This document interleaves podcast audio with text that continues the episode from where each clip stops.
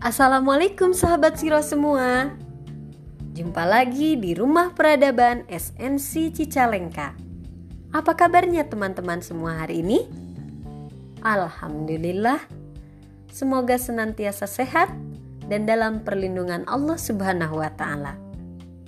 Masih dengan Ibu Sofia di sini yang akan membawakan kisah Cahaya dari Mekah perjalanan hidup Rasulullah Shallallahu Alaihi Wasallam dari lahir hingga hijrah. Diambil dari buku Rasulullah Teladan Utama Jilid 1 dari Sigma Daya Insani. Baiklah, selamat menyimak ya.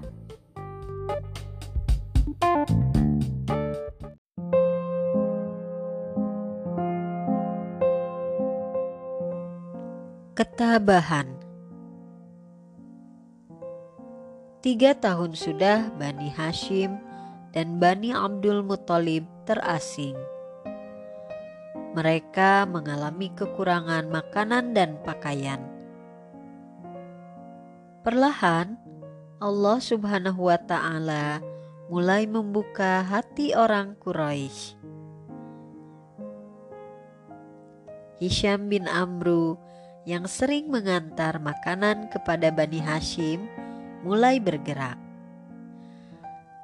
Diam-diam dia menemui Zuhairi bin Abi Umayyah. Ibu Zuhairi adalah Atikah binti Abdul Muttalib. Setelah berhasil membujuk Zuhairi, Hisham bin Amru menemui Mut'im bin Adi Lalu dia membujuk Abul Bakhtari. Terakhir, dia berhasil membujuk Zam'ah bin Al-Aswad. Mereka berlima bertemu di Hujun dan bersepakat untuk membatalkan perjanjian. Siasat pun diatur. Esoknya, mereka akan menyampaikan kepada halayak. Zuhairi yang memulai. Wahai penduduk Mekah, apakah kita akan bersenang-senang?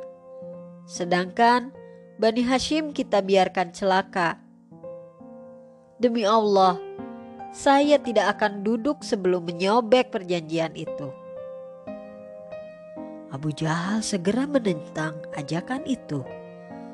Dengan geram, dia berdiri dan berteriak lantang mendustakan.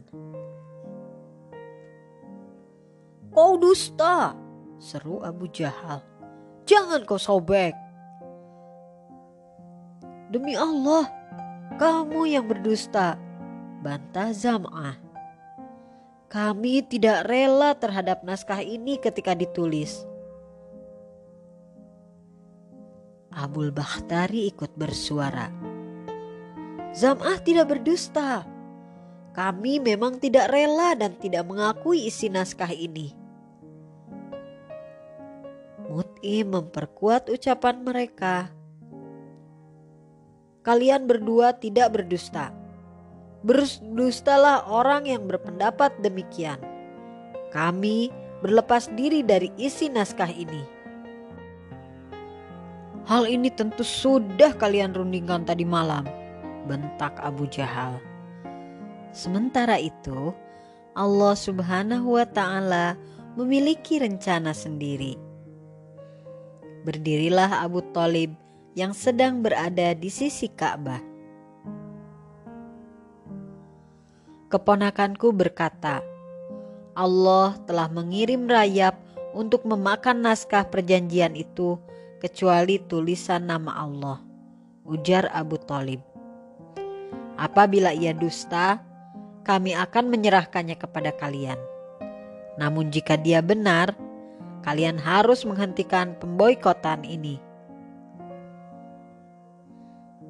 Orang-orang yang berkumpul menganggukkan kepala dan bergumam, "Anda telah berlaku adil." Mut'im bangkit mendekati naskah itu. Benarlah, Rayap telah memakan kertasnya kecuali tersisa tulisan Bismikallahumma. Berakhirlah pemboikotan. Bani Hashim dan Bani Abdul Muttalib keluar dari tanah pengasingan dengan berbaris rapat dan berlari kecil. Mereka tidak boleh menampakkan kelemahan kepada kaum musyrik. Namun, rupanya hanya sesaat kegembiraan itu dirasakan Rasulullah Shallallahu Alaihi Wasallam dan kaum Muslim. Beberapa bulan kemudian, Abu Talib sang paman yang selalu membelanya sakit parah. Pemboikotan selama tiga tahun rupanya makin melemahkan tubuhnya. Abu Talib menutup mata tanpa membawa iman dalam dadanya. Sungguh sangat disayangkan. Sekitar tiga bulan kemudian, perempuan pembela Rasulullah Shallallahu Alaihi Wasallam juga tutup usia. Usianya 65 tahun saat itu. Rasulullah Shallallahu Alaihi Wasallam sangat sedih. Tahun ini dinamai Amul Husdi, yaitu tahun duka cita. Begitu berat rasanya ditinggal dua orang yang dicintai. Ditambah lagi permusuhan dan kebencian Quraisy kepada beliau makin menjadi Setelah ini, apakah Allah Subhanahu wa taala akan memberi kabar gembira kepada Rasulullah Shallallahu alaihi wasallam?